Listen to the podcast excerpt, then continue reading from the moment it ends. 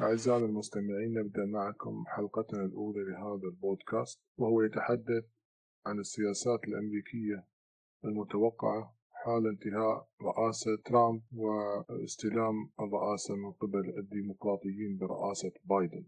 كما تعرفون الدعم الكبير الذي قدمه ترامب لبعض الحكام منطقة الشرق الأوسط وتحديدا السعودية لدعمهم. سياسات محمد بن سلمان الطائشة وكذلك دعم سياسات محمد بن زايد المعادية للإسلام والمسلمين في جميع أصقاع العالم كما لا ننسى عندما يتحدث ترامب مادحا للسيسي وواصفا إياه بالدكتاتور المفضل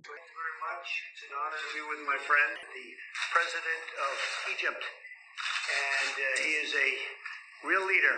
He's done some things that are absolutely amazing in a short period of time. When he took over not so long ago, it was in turmoil, and it's not in turmoil now. So I just want to say we have a long term, great relationship. It's better than ever before. We're doing هنا نجد أن ترامب يدعم سياسات السيسي في قمعه للمظاهرات في مصر وهو يقول كانت مصر في فوضى قبل أن يأتي والآن لم تعد هنالك فوضى. فلذلك فهو يدعم هذا الدكتاتور الذي نكر بالشعب المصري وأفشل تجربة الديمقراطية المصرية. لذلك فمن المتوقع حال استلام بايدن لرئاسة الولايات المتحدة الأمريكية أن تشرع الحكومة المصرية بالإفراج عن الكثير والكثير من المعتقلين السياسيين على ضوء انقلاب السيسي على الشرعية. ووجدنا ذلك أتى بشكل مبكر جدا حال تقدم بايدن في الانتخابات خاصة وأننا الآن نقوم بتسجيل هذه الحلقة قبل الانتهاء من هذه الانتخابات ونتوقع طبعا فوز بايدن فيها. أما من ناحية الأزمة الخليجية وحصار قطر فمن المتوقع أن يضغط بايدن على السعودية والإمارات على رفع الحصار بشكل سريع وكامل وعلى أن يستعيد مجلس التعاون قوته السابقة. فلذلك نتوقع هدوء على الساحة السياسية بين دول مجلس التعاون مؤقتا لفترة أربع سنوات قادمة ولكن ستبقى النار تحت الرماد ولن تنتهي تلك الأزمة بشكل جذري بل قد تعود في أي لحظة يستلم بها رئاسة الولايات المتحدة الأمريكية شخصا كترامب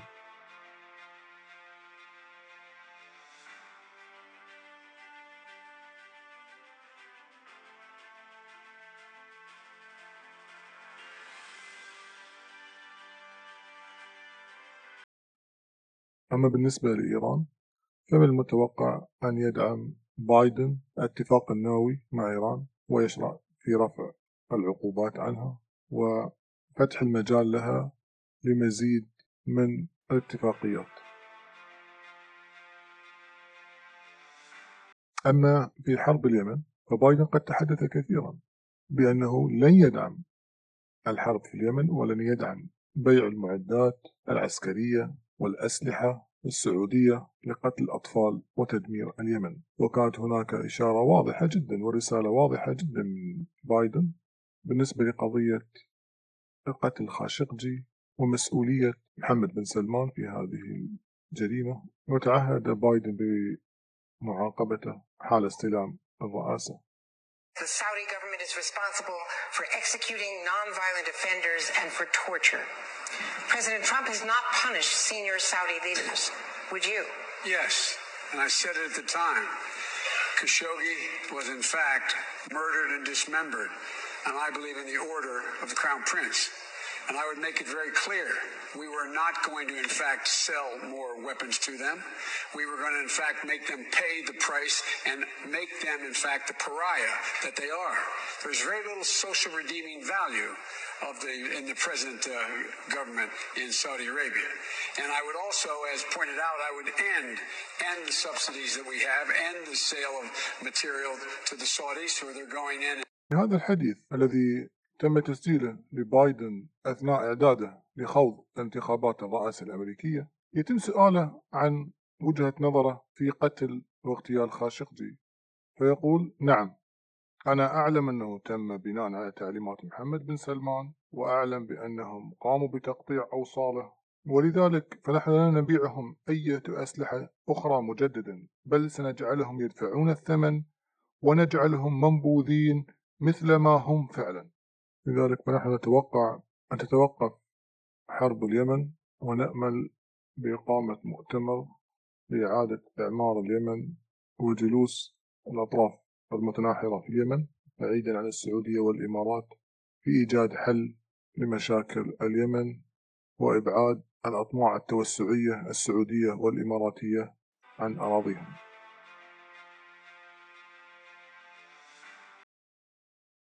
أما بشأن الأوضاع الليبية فمن المتوقع بعد أن يخف الدعم الأمريكي للسيسي أن تبدأ مصر بالانحسار تدريجيا عن دعم حفتر خاصة وأنه بدأت اجتماعات المصالحة بين الأطراف الليبية في المملكة المغربية وهو ما نأمل أن يعيد الاستقرار والأمان لليبيا وللشعب الليبي.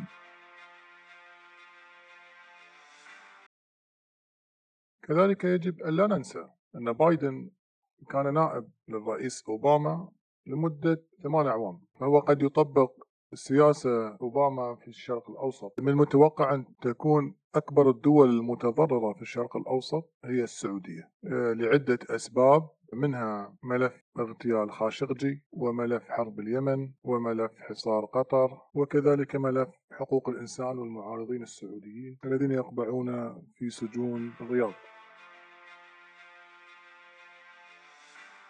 عندما سئل بايدن عن صفقة القرن قال تلك حيلة قذرة ومن الواضح أنه لن يدعم صفقة القرن وتهجير الفلسطينيين وهو أقرب ما يكون لدعم حل الدولتين وهذا يعتبر من الأشياء الفارقة بين سياسة بايدن وترامب في الشرق الأوسط.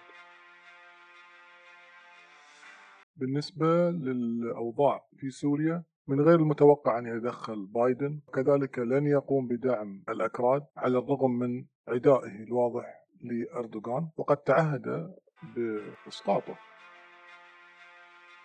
بالنسبة للعلاقات الأمريكية الصينية من المتوقع أن تكون أكثر اعتدالا ومرونة بعد العداء المفتعل الذي افتعله ترامب تجاريا بين الصين وبين الولايات المتحدة الأمريكية. إلا أن القوات الأمريكية في الشرق الأوسط من المتوقع أن تشهد تقليلا من تعدادها في منطقة الشرق الأوسط وهذا الشأن يعتبر من أجندة الدولة العميقة. فلا يجوز لأحد الرؤساء أن يغير هذه الاستراتيجية. ولذلك نجد ترامب وسيأتي بايدن ومن بعده بنفس الاستراتيجية الخاصة بتواجد القوات الأمريكية في منطقة الشرق الأوسط خاصة بعد أن تحولت الولايات المتحدة الأمريكية إلى مصدر للنفط لا مستورد من منطقة الشرق الأوسط. بالنسبة للشأن الإيراني قد تكون هناك بعض المقايضات الأمريكية الإيرانية في مناطق متعددة كالعراق وسوريا. ولتلك المقايضات من المتوقع أن تطلب الولايات المتحدة الأمريكية من إسرائيل عدم التدخل عسكريا في سوريا من خلال قصف مقاتلاتها لبعض المواقع المحسوبة على النظام الإيراني إلا أن ذلك يجرنا لمربع التفاوض الأمريكي الروسي في سوريا على أن تحتفظ الولايات المتحدة بسيطرتها على بعض آبار النفط. ولذلك فنحن نتوقع أن يكون الشرق الأوسط خلال فترة الأربع أعوام القادمة فترة استقرار وهدوء نسبي من الممكن أن تلتقط فيها بعض الدول أنفاسها وخاصة اليمن ليبيا والأراضي الفلسطينية المحتلة.